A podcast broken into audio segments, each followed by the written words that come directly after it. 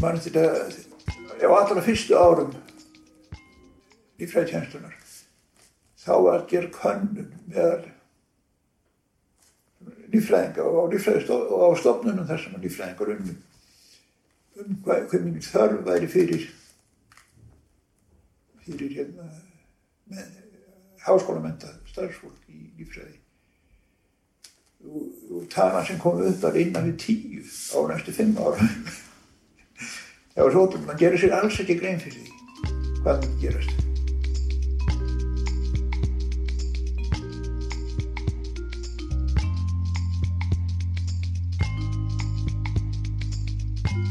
Já, grunnrannsóknir er náttúrulega undir staðan og afskaplega mikilvægt að þær haldi áfram, fara fram. Það er aldrei að vita hverju það er stíla. Grunnrannsóknir. Það er, er að kanna nýjar, nýjar lendur og verða að gera það. Vega að gera það. Og síðan er aldrei að vita hvernig að koma upp kemur upp nýju veitnistur sem að hægt er að hagnýta.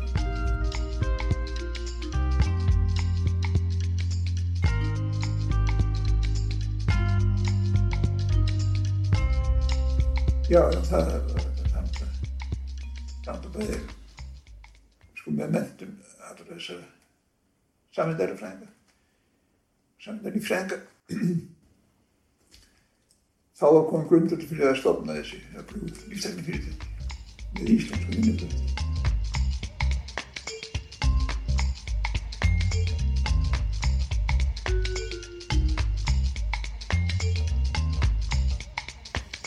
Góðan dag hlustandi góður og velkomin í þáttaröðina Líftækninni með land á Íslandi. Þetta er fyrsti þáttur af fimm og nefnist hann Guðmundur Eggertsson, fadir erðafræðinar á Íslandi. Ég heiti Leifur Einarsson og mér leði því gegnum frásagnir fólks sem tengist upp á að þróun líftækni hér á landi. Hér rétt áðan heyrið þú í Guðmundi Eggersinni sem nefndur hefur verið fadir erðafræðinar á Íslandi. Hann innleiti kennslu í þeim fræðum við Háskóla Íslands um leið og hann byggði upp líffræðinám við skólan eftir það hófst haustið 1968.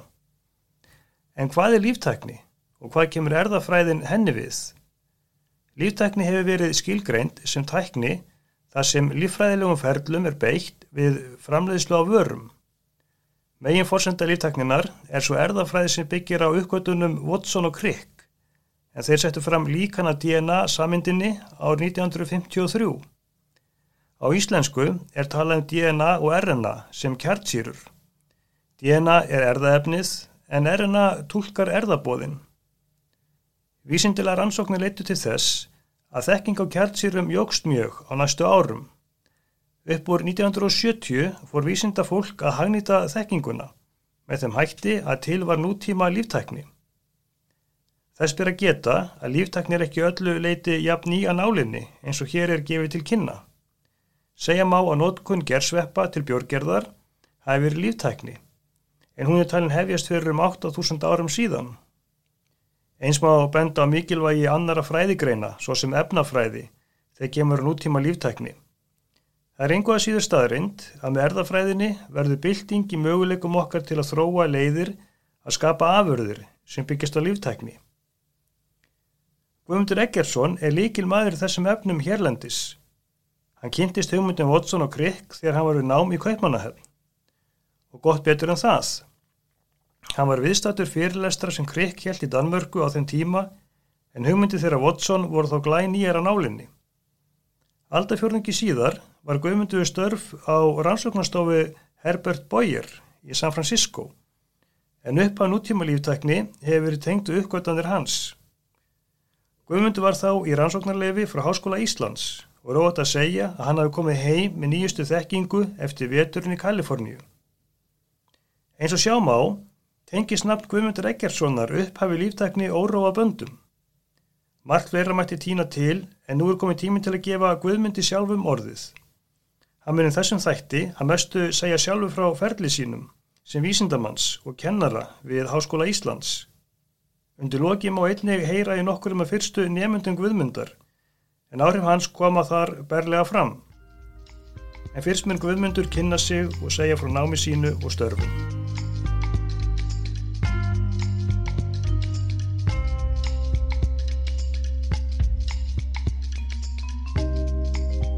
Ég heiti Guðmundur Eggersson og ég er erðafræðingur. Ég lærði nú fyrst erðafræði í Danmörku. Það var klassísk erðafræði. Þetta var semst fyrir tíma sammynda erðafræðinar. Þetta er í norðin það gammal. Ég fór út til Kveipanarnar árið 1952 og það fór svo erðafræðin var mín sérgrein þar. Þaðan lauk ég magisterprófi í erðafræði árið 1958. Já, ég sem sagt varð mjög kunnugur inn í klassísku erðafræði. Og minnaða kannski að Watson og Crick settu fram líkan sitt af díðanarsamhendinni árið 1953. Þannig að það var svona rétt að byrja átt að sjá því um það leiti sem ég var að hefja mitt erðafræðin á. Og ég man eftir að Krík kom einu sinni til Kvöpunhafnar, menn ég var í námi og hjælt og fyrirlöstar þar sem voru mjög góðir og áhrifamiklir og vöktu, vöktu náttúrulega áhuga okkar, ungum mannana og hvennana sem voru þarna Profesorinn minn var að vinna að rannsóknum á, á seppi sem heitir Nevrospora og var notað talsett við erðarfræðarannsóknum á þenn tíma. Og hann hafði áhuga á framkvæmda stökkbreytingar með ímsum efnum og, og líka á, á efnafræðilegum ferðlum í, í Nevrospora. Ég vann smávegis rannsóknum á þeim sveppi en fekk auðvastað á bakteríuerafræðin. Ég gerði mig grein fyrir þá að bakteríuerafræðin var uppbrennandi grein. Svo það var úr að ég sótti um, um hérna, rannsóknarstöðu, rannsóknarstofu starf sem styrk þegi við þessa stofnun í London. Ég fekk vinna á rannsóknarstofu í London á Hammersmith Hospital þar sem var starfandi ágætur bakteríufræðingur og bakteríuerðafræðingur því að þá var bakteríuerðafræðin svona að hefja sín gang þessi maður hitt William Hayes og var einn af frumkvölum á þessu sviði og þar komst ég semst inn í bakteríuerðafræðina sem ég átti eftir að starfa við eiginlega alla mína starfstíð á einni annan hátt. Bakteríunar voru, maður gerir strax grein fyrir það að bakteríunar umsannátt mjög heppilegar til rannsókna í erðafræði. Það hefði nú engum grunað nokkrum árum, árum fyrr en það fór nú svo að, að hósta þetta tímabila sem að geysilega mikil áherslu var rannsóknir á erðum batteríu. Batteríunar höfðu eins og kosti og einn af þeim að sá að það er fjölga sér afar ört. Og annars sá að það var alltaf að vinna með gífurlega fjölda einstaklinga þegar maður náðu einu tökum á að gera erðarfræðilega tilrönnir þá nýttum enn sér það. Þegar það beraða saman sko, bakteríunar fjölga sér ört eins og ég segði og ef maður kemur á stað bakteríurætt kvöldidags með, með nokkrum einstaklingum. Þá geta verið kominir konar miljónir týjir miljóna, hundru miljóna eftir nótina og þetta var nú bakterían, Escherichia coli, kólibakterían sem að mennst var unni með og menn höfðu, til að sína fram á það að ásist að flutningur og erðaefni á milli einstaklinga, milli bakteríu og smá saman að mann tökum á að kortleggja gen á litningum bakteríunar og það voru jafnframt gerðan ímsar nýðöfnafræðilega tilrunir og það kom þessi konsens fram að var sérstaklega heppilega að nota bakteríuna til rannsókn á líföfnafræðilegum ferlum. Þarna voru þróaðar á nokkrum árum ímiskun aðferðir til þess að vinna með þessa bakteríur og semstinn segði bakteríu, bakterían, bakterían Escherichia coli varð upp á hals tilrauna líf þeirra erðafræðinga á komandi árum. En á þessum árum þá komist menna nokkru grundallaratriðum, ímsum grundallaratriðum og segja í, sem var það erðir og jáfnframt sem var það sem var það efnaskipti og, og bara almenna starfsemi batteríuflumunar.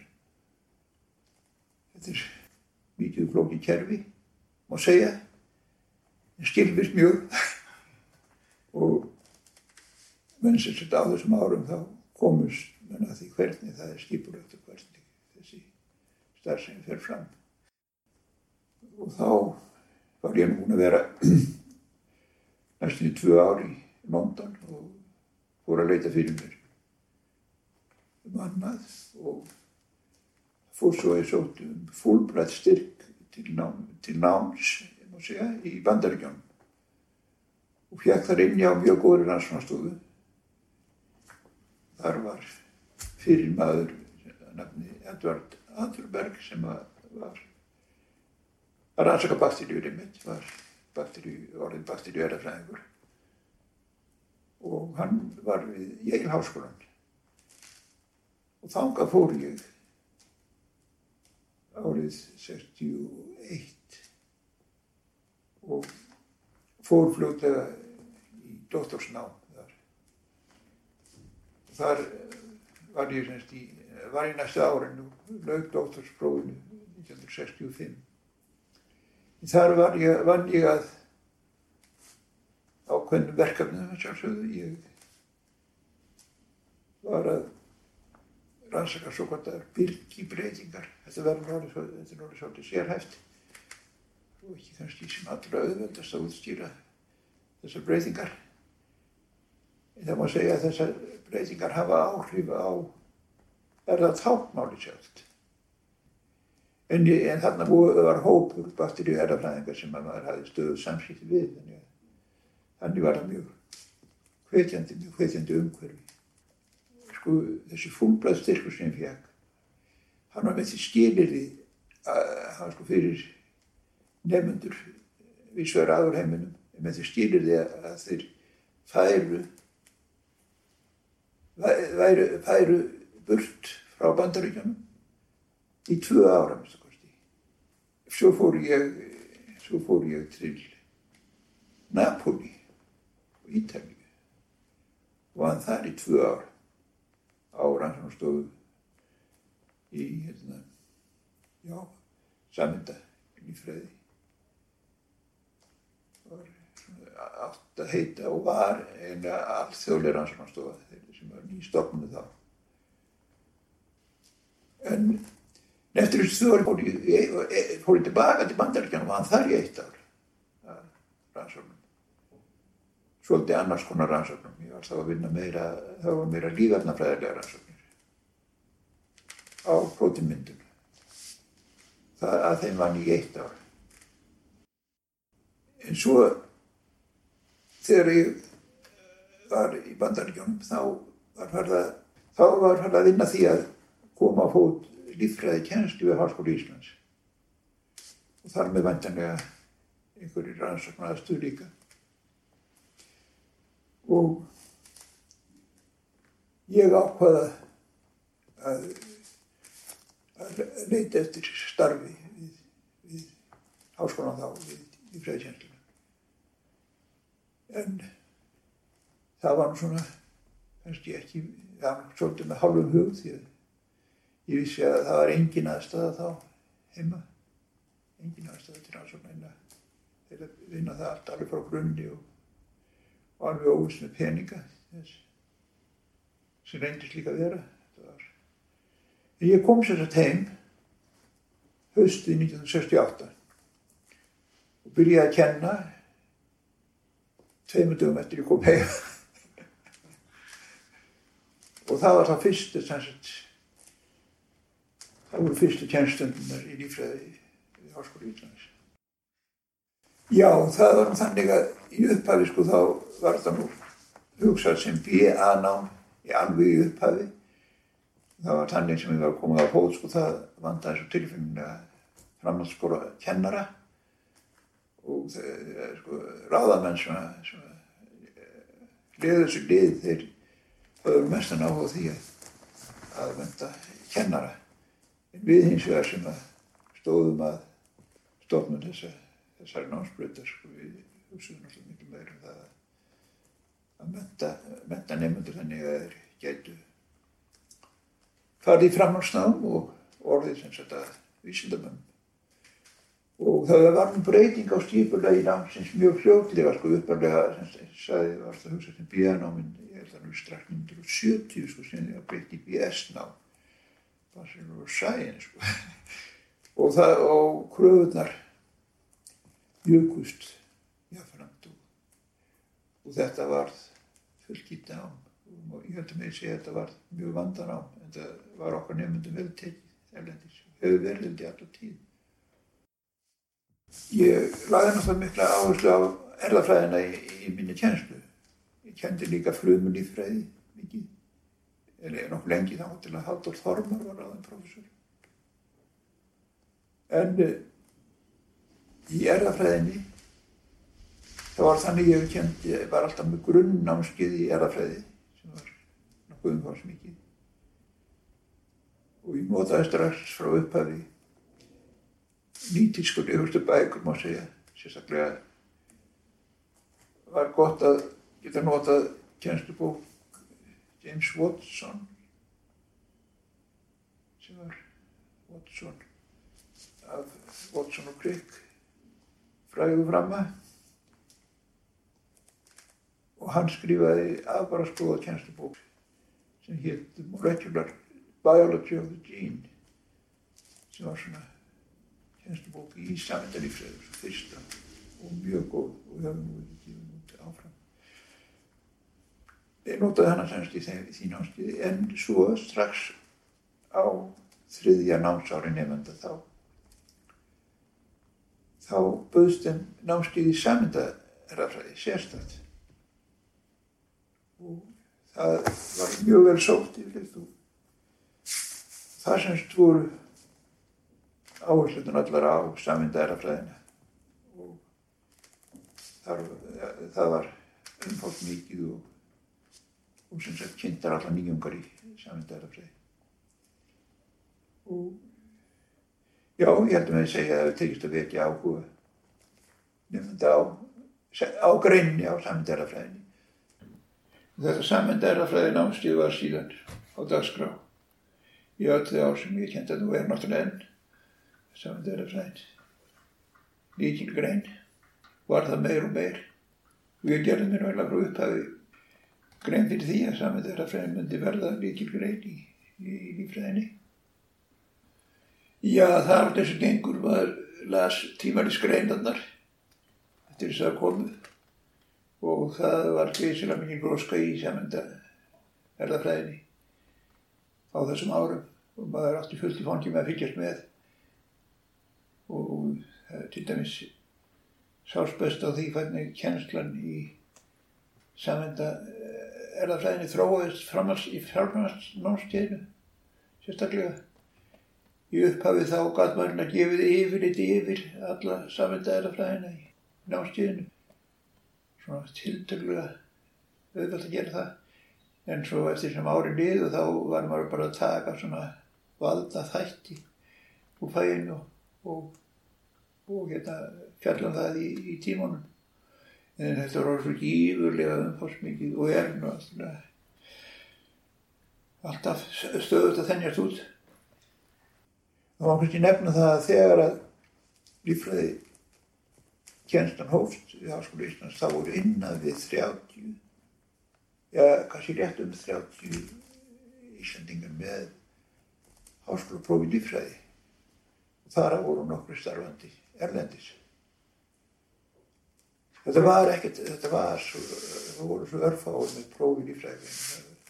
Það voru menn sem öfna á Hafró og, og rannsóknstofnum landbúnaðarins og örfáður, örfáður er, já, náttúrfræðistofnum Íslands. Ég hætti til þess að fara í saman framhaldsnám. Og þá voru þó nokkri sem hafði áhuga því þá þegar. Fyrsti nefnandi sem fór í framhaldsnám var Jórun Eifjörð, hún lög náminu eiginlega ára á undan hinn, kom nú vel undirbúin í námið. Og hún, já, hún var svo fyrst til þess að fara í framhaldsnám. En það auðvitað margir þess að fara í framhaldsnám í, í samenda erðafræði, samenda lífræði á, áfram á næstu árum. Þannig að það byggðist upp smá saman þegar þetta fólk voru að koma heim þá byggðist smá saman upp hér á landi veruleg þekking á sviði sem að í samunda lífræðinni og já, ég held að mig segja þessi þessi þekkingu þetta fólk hefur nýst líftækni fyrirtækjum bísna vel eftir þau tóktu starfa Já, þú þóttum að vita hvers best það er að fara það þá var einn sem ástæðan var nú hendut fyrir fólk að fara til Englands á þessum fyrstu árum og fóru þó nokkrir til Englands í framstæðan. En svo til annar landa fljóta til Bandaríkjan líka og já, og svo til Svíþuðar fóru þó nokkuð margir. Og svo til fleiri landa. Og ég held að mig segja að það er svo mentan sem að fólk fekk í, í sammynda, já, í erðafræðinu og sammynda erðafræðinu og eins og segja sko mentum sem það fekk í öðrum greinun í fræðinar sem voru kenda líka miklu metnaði. Ég held að þessi mentum sem það fólk fekk hérna í í bíasnáminu í Háskóli Íslands hafi reynst vera bísna staðgóð. Því að það er, það er svona svo vittnisfölur sem ég hef heilt síðan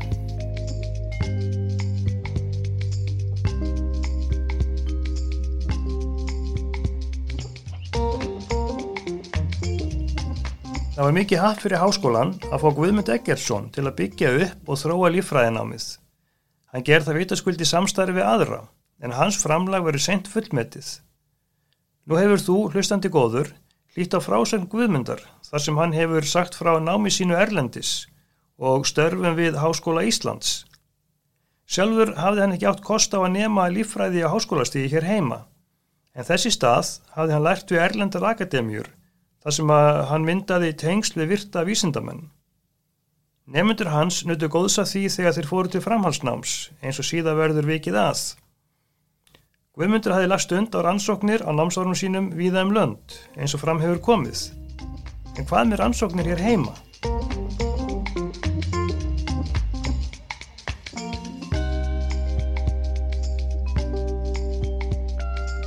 Fyrir konum þá var allt í óviss í raun og veru með rannsókninir. En ég fekk aðstöðu til rannsóknar á kjeldum og reynda fekk það starf sem sérfræðingur á kjeldum í eitt ár og mátti vinna að mínum rannsóknar. Og reynda fekk ég mjög góðan styrk til þess að koma þessum rannsóknum stað, afniskan styrk sem ég hefði sjótt um árið sem var í. Ég hafði síðan árið sem var úti. Svo má segja að það var sem, það sem ég byrjaði með, þessi amnist styrkur og aðstæðan og kjaldum. svo ég gætt kift dálta tækjum til rannsóknarna. Það fór mjög hægt að stað. Ég var afskaplega mikið upptökjum með tjenstuna fyrst árið. Það voru mjög fáir í kennaraliðinu og hvíkti mjög mikið á mér. Og ég byrjaði eiginlega ekkert að fást í rannsóknu fyrir um vorið. Þá reyði ég að, hérna, tvær stúrkur sem höfðu verið náinn hjá mér. Það voru fyrstu starfsmennin. Og við fór svona aðeins að stað, en þetta fór hægt að stað og ég vil segja að fyrstu árin voru mjög verið. Ég ég var mjög upptekinn af kjænstunni.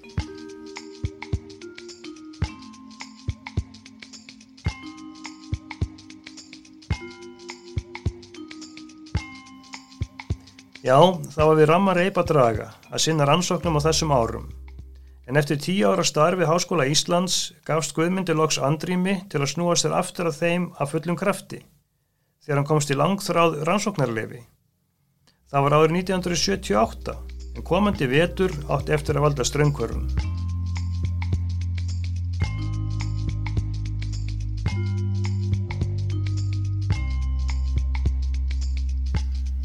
Þá fór ég til San Francisco það var ekki fyrir árið 1979 eða 78 og vann þarna í eitt ára á rannsóknstofu Hörrbóis og þar þar hérna kynntist ég öllu því nýjasta sem þá var erðatækningi og náttúrulega reyndi að nýta það sem mest þegar heim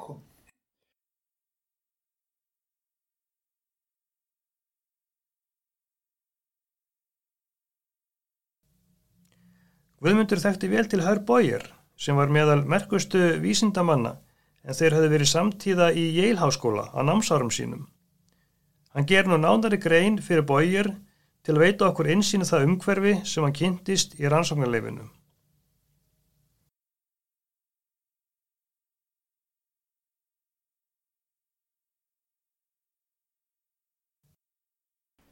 Þarna sem eins og segi ágæðis fólk og einn af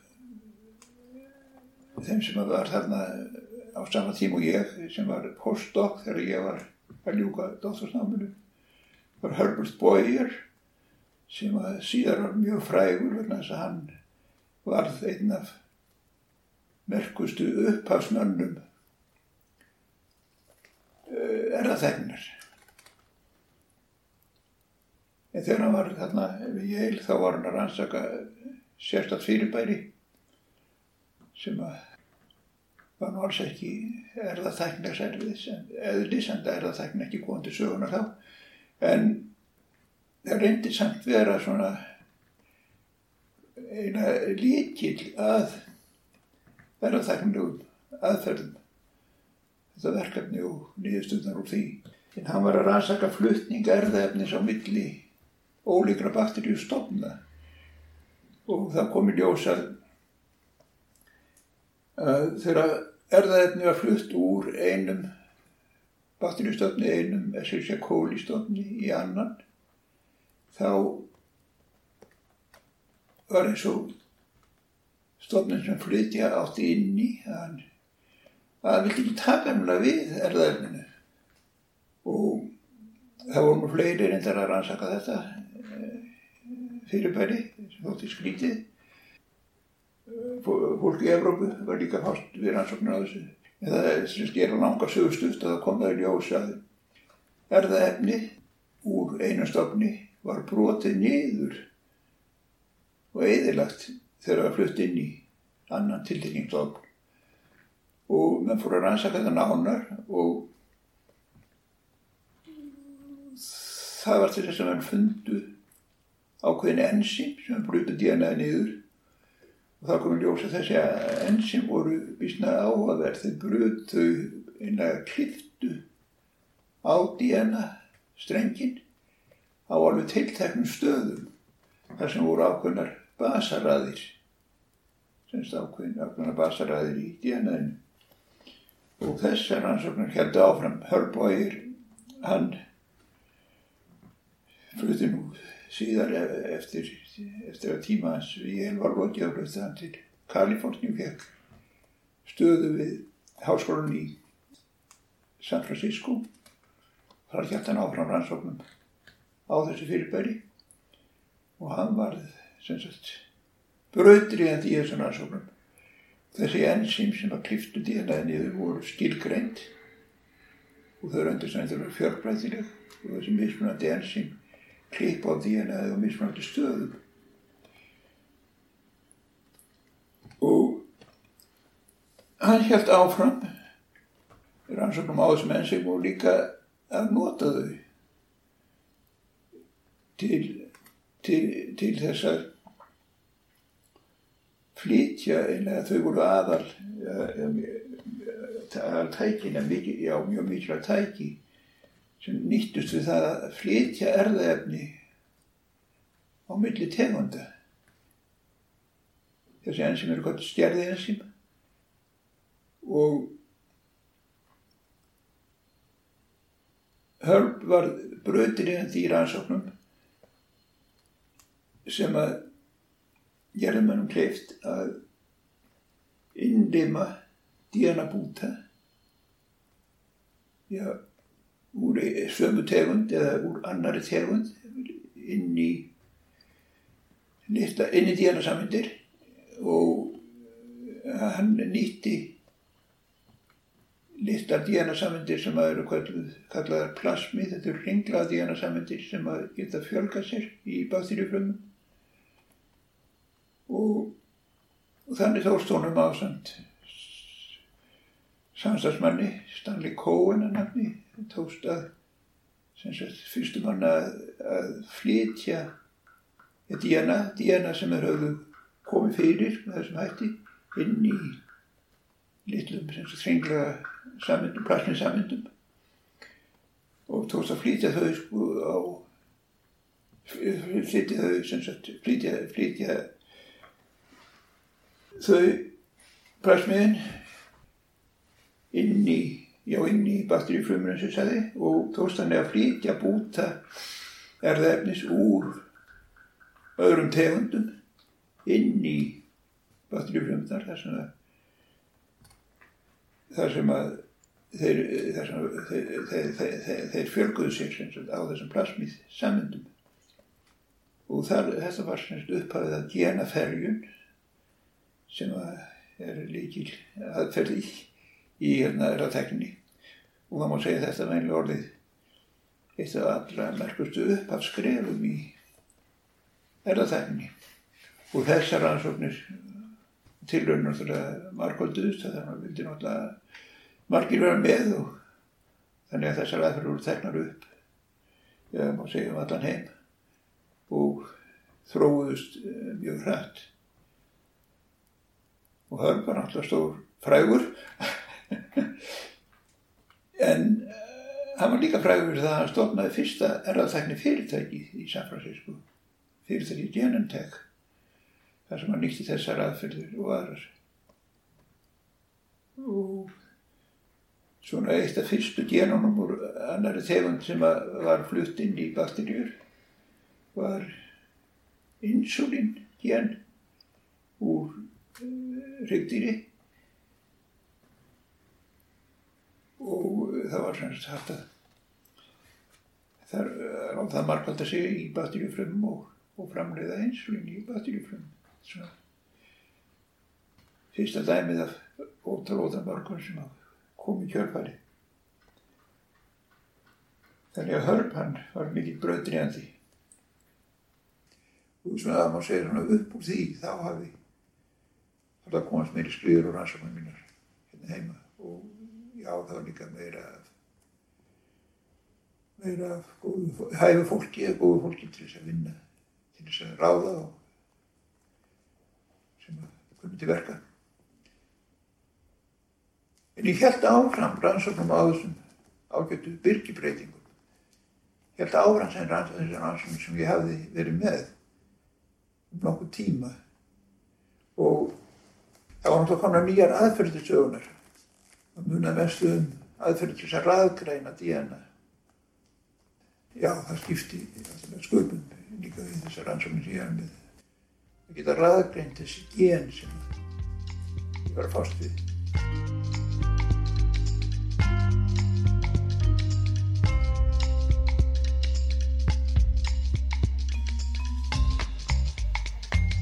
Áður en lengra er haldið er rétt að geta þess að Jakob gerir ítarlega grein fyrir líftækni rannsóknunum í næsta þætti sem nefnist Líftæknin kemur til sögunar. En ég byrði Guðmund afsökunar á þessu framígrippi. Hann heldur nú áfram frásöksinni.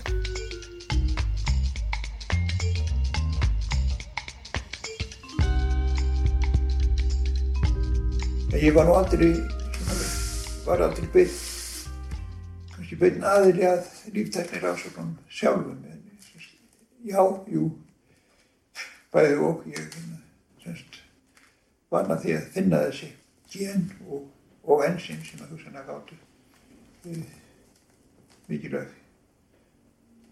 Hugmyndi var að Jakob og hans lið tækja nú frekar við svo að hagnindingu var að sjálfa Já, ég held að að segja að það hefur tekist að vekja áhuga nefnda á, á greinni á samdarafræðinni.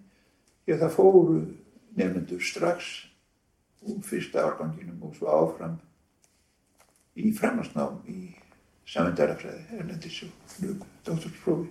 Það voru margir sem gerðu það í tímans ráð, það voru náttúrulega mjög margir. Og það náttúrulega var til þess að það var grundandi fyrir því að reka rannsóknastofur á þessu sviði hér á landi og það hefði komið sér vel fyrir þá sem að voru með hagnýtingu, hagnýtanansóknar í huga. Já, já, ég er það, ég er alltaf með nefendur, ég er mjög marga nefendur sko í á rannsóknarstöðinni, bæði litlum verkefnum, svo hvernig fimm einingaverkefnum og svo í meistaraprósverkefnum. Það voru, þannig að síðari árin sko voru alltaf nefnendur í mestarflóksverkefnum útskriðust masterpróf frá okkur. Og það var alltaf mikið svolítið að hafa þetta fólk. En svo, svo var alltaf tekið upp doktorsnám í háskólanin, það var bara á mínum allra síðustu árum, svo að, svo að það var bara einn doktorsnemi sem, sem útskriðast frá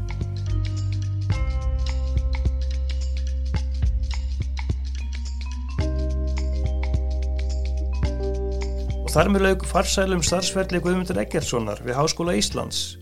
Framanaf var hann eini erðafræðingurum í skólan, en þegar hann laug störfum var hann komið með fjölda samstagsmann á sínu sviði. Til aftur sér betur á þeim áhrifum sem hann hafði er eitt að gefa nokkurum að nefndum hans orðið.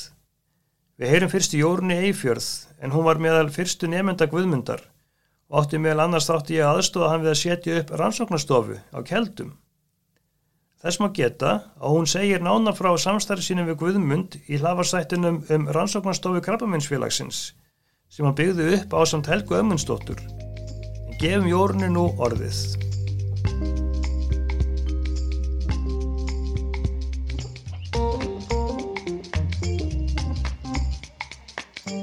En svo fylg ég brefa heimann með úrklipur mokkanum og það var viðtal við Guðmund Eikersson sem var þá nýkominn frá bandaríkjanum og alveg uppfullur af áhuga og hvað hann ætlaði að gera og svo framvegis og þar með að hann ætlaði að það væri sérst verið að hefja kennslu í lífræði við Háskóli Íslands. Og þetta var mjög fristandi, fannst mér. Og það var svona ímsar aðrar ástæður sem að verið þess að ég bara ákvaði ég ætla að fara heim og það mér segja sko að gekk svo langt að það voru tveir prófessorar við þannig í Minnesota sem að töluðu við mig sko bara svona in earnest. Hvort ég gerði mig grein fyrir því að ég var að kasta frá mér. Mér bauðst sem sagt að vera áfram á fullum styrk. Og, og ég er það að hugsa þetta betur. En ég leta og ég fór heim og ég hef ekkert séð eftir því, ekki þess, þess þetta skrif allavega, var, var sagt, mjög gott vegna þess að, þessi kennsla hérna, hún var mjög spennandi og alltaf fyrst og fremst Guðmundur Eggjarsson. Hann kent okkur samendæraðfræði og hann var að kenna okkur það nýjasta og hann var nýbúin að vera á kafi rannsóknum. Og, og hann kent okkur líka reynda frumilífræði Svo var líka mjög góð kjensla í lífelsvæði sem Jóhann Axelsson sáum. Þannig að þetta var eh, svona æventir líkast í rauninni.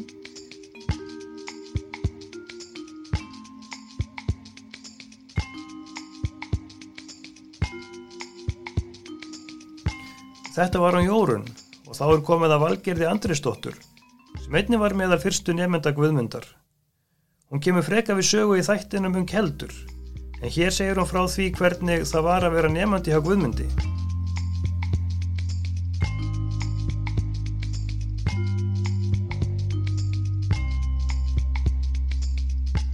Já, ég eh, byrjaði á að fara í líffræði hér við Háskóla Íslands og þá var eh, nýbúið að stopna eh, líffræði skor og eh, sá sem að byggði upp líffræðin eh, námið í rauninni var Guðmundur Ekertsson og hann var eh, prófessor í líffræðina.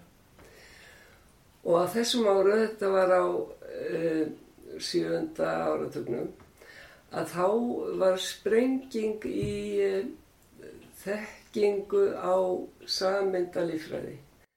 Og Guðmundur Ekkjason kom þarna og kom beint úr þessu umhverfi. Hann hafði sjálfur verið að rannsaka E. coli og var í miðjunni á þessu öllu rauninni og miðlaði þessum upplýsingum svo eh, skemmtilega og hann var svo áhuga samur að það var eiginlega ekki hægt annað en að hrífast með.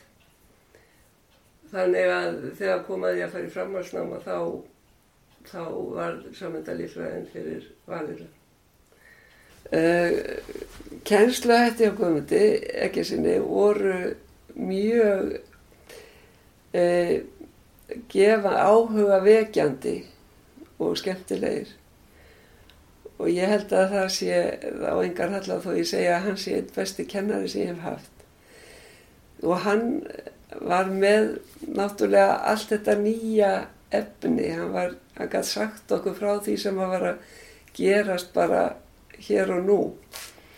Og eh, hann gerði það, hann var náttúrulega með fyrirlestana en svo var hann líka með umræðu, umræðufundi. Þannig að þegar ég fór svo í framhansnám eftir, eftir námið þannig í lífræðinni að þá fannst mér ég vera vel undirbúin undir að fara á annan stað og halda áfram að læra en Guðmundur Ekkjason hann ráðlaði mér að fara til í háskólinni í Ettiborg því að þar var nýstofnu deild sérstök samenda líffræði deild og hún, hún og þar voru margir, margir endar kuningjar Guðmundur Ekkjasonar.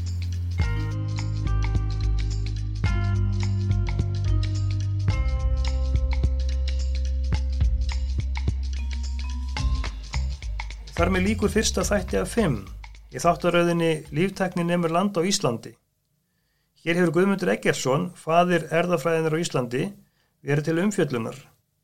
Í næstu þáttum verður gerð frekari grein fyrir upphásárum íslenskra líftækni. Þar segja íslenskir vísindamenn frá rannsóknum sínum og rannsókna umhverfi.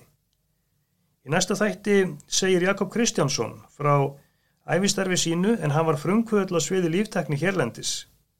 Þess maður geta andi Guðmundar mun svífa yfir vötnum í öllum þáttunum, svo stór er hlutild hans. Það er rétt að ljúka þessum þætti eins og hann hófst með því hlýða á Guðmund sjálfan.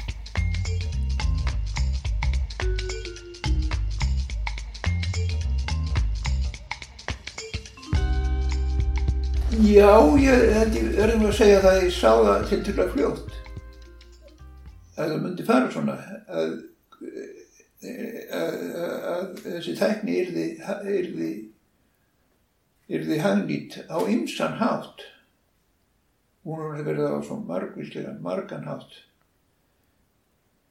Og ég mann þegar ég var snemma að benda dýrafræðingum og grasafræðingum á það að þessar aðferðir erðaþegnar og aðferðir þess að fást við DNA þær myndu verða mjög hannýttar í þessum greinum. Til dæmis í flokkunarfræði í þessum hefðbundu gömlu greinum. Og það er náttúrulega farið svo. Já, ég held að við saminda erðafræðingar hafum um ljótt ástæða frá því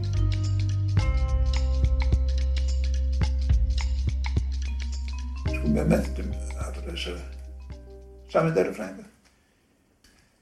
Þá kom grundvöldu fyrir að stofna þessi lífstækni fyrirtæki.